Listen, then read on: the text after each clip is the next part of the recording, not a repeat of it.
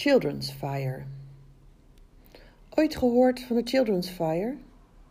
In oude tradities was het gebruikelijk om bij belangrijke bijeenkomsten, waar men over de toekomst sprak, een klein vuur te maken in het midden van de cirkel.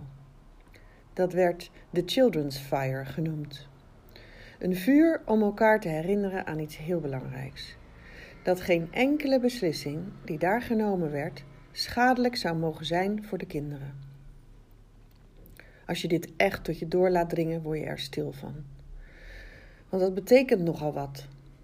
Je zorgt ervoor dat de omgeving warm en liefdevol is, zodat kinderen in liefde kunnen opgroeien. Je zorgt voor de natuur, zodat de kinderen en kleinkinderen straks nog kunnen ademen en eten.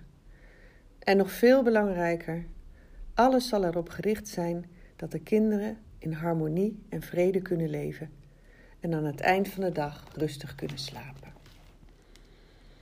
De Children's Fire brengt je in feite in één keer bij je hart en leert je om bij voorbaat al veel bewuster om te gaan met de gevolgen van je beslissingen. Het is ware verantwoordelijkheid nemen voor wat je doet. Stel je dat eens voor in bedrijven, organisaties en overheden. Met de Children's Fire voor ogen maak je andere keuzes en vind je andere oplossingen. Want die zijn er. Altijd. Ik denk dat de grote vraag is of we de moed hebben om die keuzes te maken. Om het goede te gaan doen. Want als je het vuur van de kinderen wilt laten branden, moet je je hart steeds weer openen en je gevoel laten spreken.